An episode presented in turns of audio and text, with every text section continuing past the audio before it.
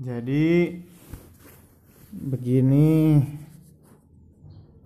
Terus ya udah sih begitu aja ceritanya. Nanti diterusin lagi di part 2 part satunya segini dulu.